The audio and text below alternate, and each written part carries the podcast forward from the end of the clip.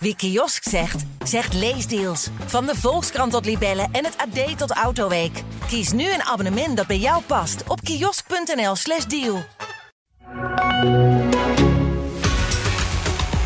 Welkom bij de tweede aflevering van dit seizoen van onze vernieuwde voetbalpodcast Kappen en Draaien. We hebben de eerste speelronde gehad, maar dit ging voor onze Gelderse clubs niet van een leien dakje. Daarover gaan we praten met een van onze clubwatchers, Raymond Willemsen. Goedemorgen, Raymond. Goedemorgen. En iedere week schuift een bekende uit de voetbalwereld aan. En dit keer is dat oudspeler van NEC en Vitesse en de huidige trainer van Achilles, Patrick Pothuizen. Goedemorgen, Patrick. Jank aan de telefoon.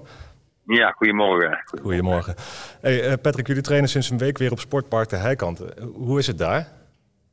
Ja, prima. Ik denk dat het uh, ja, belangrijk is dat we een eigen stekje hebben om te trainen. Ik moet zeggen, uit, ik was als trainer zeer tevreden om bij Kamania te gast te zijn en daar te kunnen trainen.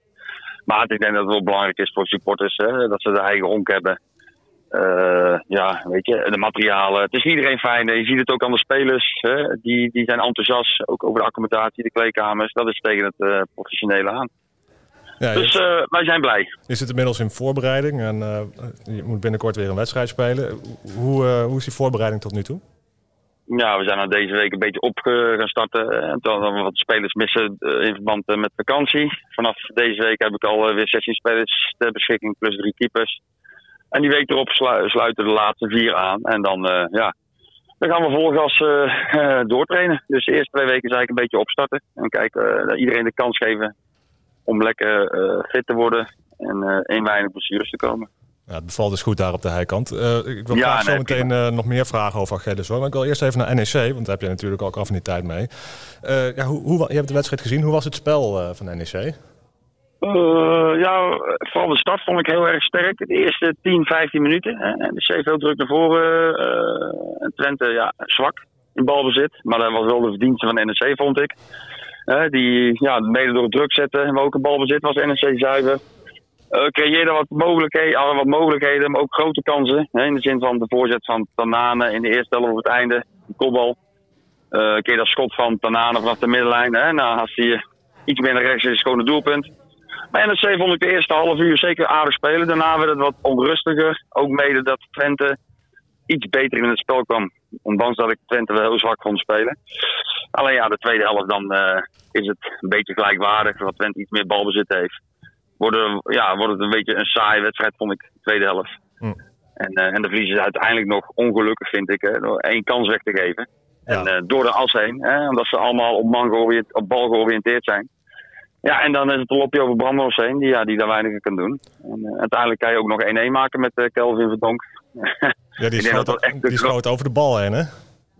Ja, ja, ik denk dat hij, ja, ik weet niet, misschien uh, ja, dacht hij te veel na. Maar dat uh, zou een mooie beloning zijn geweest, denk ik, voor NEC om toch ja, op 1-1 te komen. Ik denk dat er wel de verhoudingen waren.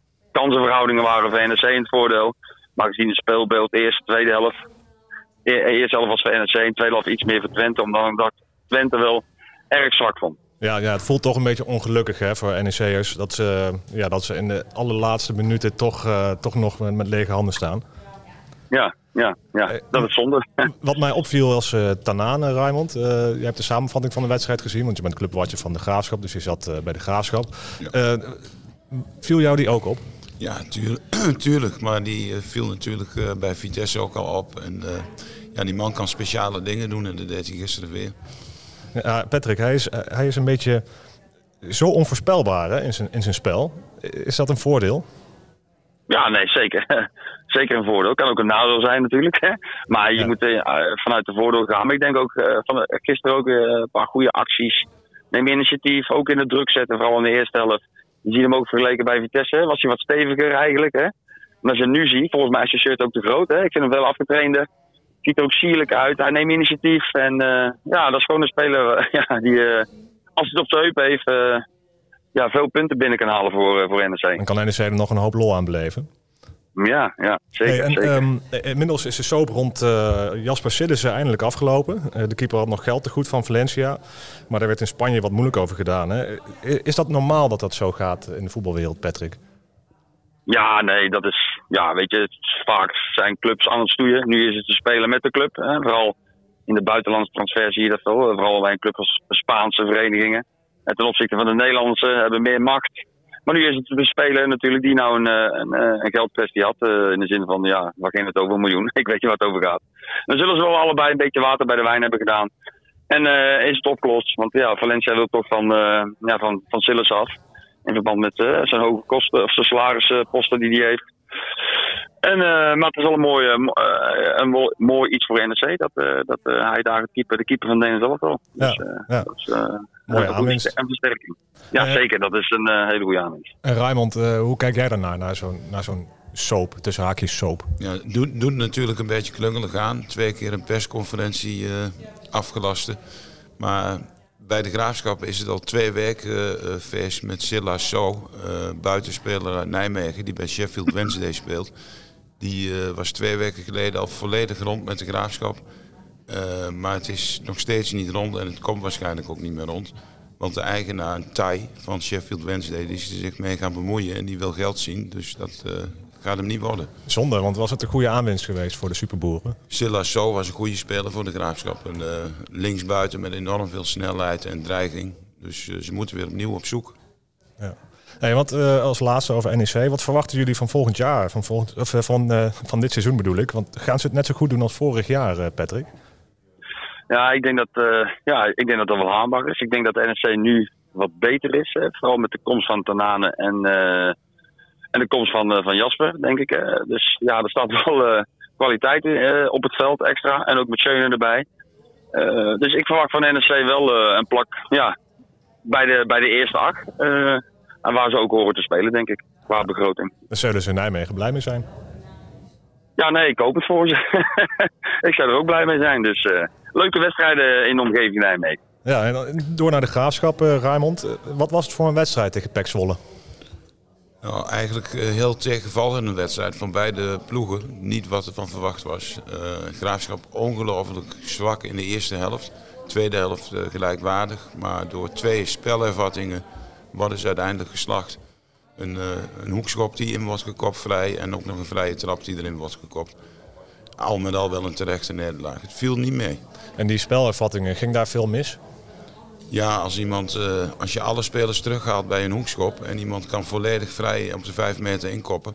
En daarna kwam er nog een indraaiende vrije trap waar de keeper ook niet goed eruit zag. En uh, ja, dat werd de 2-1. Ja, er ging heel veel fout. En er waren twee uh, op voorhand aansprekende aanwinsten bij de Graafschap die hun debuut maakten. Butner en Siem de Jong. Hoe ging dat? Ja, dat viel een beetje tegen. Maar ja, met, daar kun je niet zoveel aan doen, denk ik. Siem de Jong die was bijna een week ziek. Die heeft koorts gehad. Die is wel meegegaan en heeft nog 10 minuten of 8 minuten meegedaan. Maar ja, dat, dat, die kon ook niets meer veranderen. En die was ook niet fit, dat kon je wel zien. En Alexander Butner die was na 29 minuten al exit. Wat was er gebeurd? Bovenbeenblessure. Daar loopt hij al twee weken mee. Hij wilde het toch graag proberen. Maar het ging niet. Het was al vrij snel zichtbaar. Wilde hij te graag misschien? Heeft zichzelf ja, zei, zei hij zelf wel. Hij zei, ik wil zo graag belangrijk zijn voor het team. Maar ja, ik moet niet zo uh, alles gaan kapot maken, want dan ben ik er dadelijk week uit. Iets meer rust nemen zou goed zijn voor Alexander Bieber. Ja, maar in ieder geval met de twee top aanwinsten ja, daar was er wel het een en ander verwacht. Maar één die deed maar 29 minuten mee en die andere acht. Dus uh, samen hebben ze nog helemaal niet gespeeld. Valt tegen, ja. ging, het, voor de rest wel goed bij de graafschap of ging vooral veel mis? Nee, de eerste helft leek niet op voetbal, vond ik. Ze hadden heel veel ruimte om te voetballen, maar ze waren heel angstig en ze speelden elke bal lang. En uh, ja, het leek nergens op de eerste helft. De tweede helft was veel pittiger en hebben ze ook best een aantal kansen gehad. En ze kwamen ook op 1-1. Dat was op dat moment ook niet eens onterecht. Maar ja, toen werden ze weer geslacht door een spelervatting. we hebben de vorige aflevering ook al kort even over gehad. De graafschap wil promoveren. Maar de competitie is ja, behoorlijk aanwezig in de keukenkampioen-divisie dit jaar. Wie wil niet promoveren? Wat is jou, nu je de eerste wedstrijd gezien hebt, ook, ook ja, op basis daarvan kun je weinig zeggen waarschijnlijk. Maar hoe reëel is die verwachting dat de graafschap gaat promoveren? Nou, is niet heel reëel. Nee. Ik denk dat sowieso clubs zijn die hebben meer geld. Dat wil niet altijd wat zeggen natuurlijk. Maar Heracles heeft een goede ploeg. Willem II. Pek Zwolle zal nog wel weer wat gaan doen. Dan heb je Almere, je hebt VVV, je hebt ADO Den Haag. Ondanks die uh, veegpartij bij Heracles. Roda JC heb je. Helmond Sport pompt er heel veel geld in. Dus er zijn de legio-clubs die willen promoveren. Ja, ja. En uh, ja, Vitesse heeft thuis gespeeld tegen Feyenoord. En uh, het was een leuke wedstrijd om te zien, zeg ik persoonlijk. 2-5 voor Feyenoord. En wat was het voor een wedstrijd, Patrick, van wat je gezien hebt? Ja, ik heb alleen de samenvatting gezien. omdat ik nu de twee wedstrijden tegelijk in kijken. Nee. nee. maar als ik een beetje zo de samenvatting zie... Vitesse kwam op één voorsprong. En als ik dan die 1-1 zie hè, vanaf de linkerkant... vond ik eigenlijk ook wel matig getypt. Die twee uit de vrije trap. Je ziet het een beetje op en neer geholpen. Volgens mij was het wel een aantrekkelijke wedstrijd als ik zo zag in, in, in, de samenvatting. Veel open was het. Je ziet het ook bij die, die 3-2 dan, die goal die valt, vind ik. Fout van de keeper. Die 4-2 was een aardige, maar die 5-2, wat ik heel vaak, wat ik ook vaker zie. Mensen die door de as lopen, Toornstra speelt de bal binnendoor. En de linksback staat gewoon aan de buitenkant, staat gewoon voetbal te kijken. En ja, dat zie ik zo vaak voorkomen. En, en, en, ook bij Vitesse. Uh, ja, dat gebeurt, dat gebeurt zo vaak.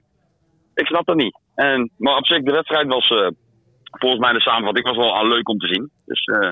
Ik denk wel een terechte overwinning voor Feyenoord. Wat, wat mij opviel is die prachtige goal van Deel Roosjoen van Feyenoord. Maar vooral eigenlijk de ketsen van keeper Houwen. Ja, kun je even vertellen wat er gebeurde? Ja, hij werd ingespeeld en hij wil hem met rechts, neemt hij mee. En hij wil hem eigenlijk pasen naar, denk, naar de linksback. Maar wat ik ook denk, denk ik weet niet wie was het die druk zette, die scoorde, weet? Uh, uh, help even, ja, die spits nummer 9. Uh, ja, ja, die zet er druk op hem. Maar ik denk ook die rechtsback die speelt die bal in op die centrale. Maar als je ook een beetje gelijk uitzakt, kan hij hem ook weer terugspelen. Maar natuurlijk maakt hij een hele grote fouten keeper. Het duurt gewoon te lang. En hij wordt vol onder druk gezet. En ja, gewoon een grove fout. Doelpunt. Ja, het is niet de eerste keer volgens mij dat die keeper blundert, uh, Raymond. Nee, misschien is Brandenhorst wel iets voor uh, Vitesse. Maar dat zal natuurlijk gevoelig liggen.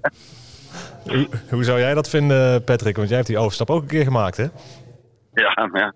Ja, dat ligt aan uh, zelf natuurlijk. Dus uh, ja, ik zou, ik zou het niet doen. Oké, okay, duidelijk dan is dit een nieuwe realiteit voor Vitesse. Uh, want ja, er zijn een hoop dingen gaande. Ze moeten nog overgenomen worden. En er is een hoop onduidelijk. Maar ja, is dit een nieuwe realiteit voor de supporters van Vitesse? Wat denk jij, Patrick? Ja, ik denk het wel. Dus ja, ik volg natuurlijk Vitesse niet echt. je ziet natuurlijk wel samenvattingen. Maar ik denk als je het ook een beetje het nieuws kijkt af en toe.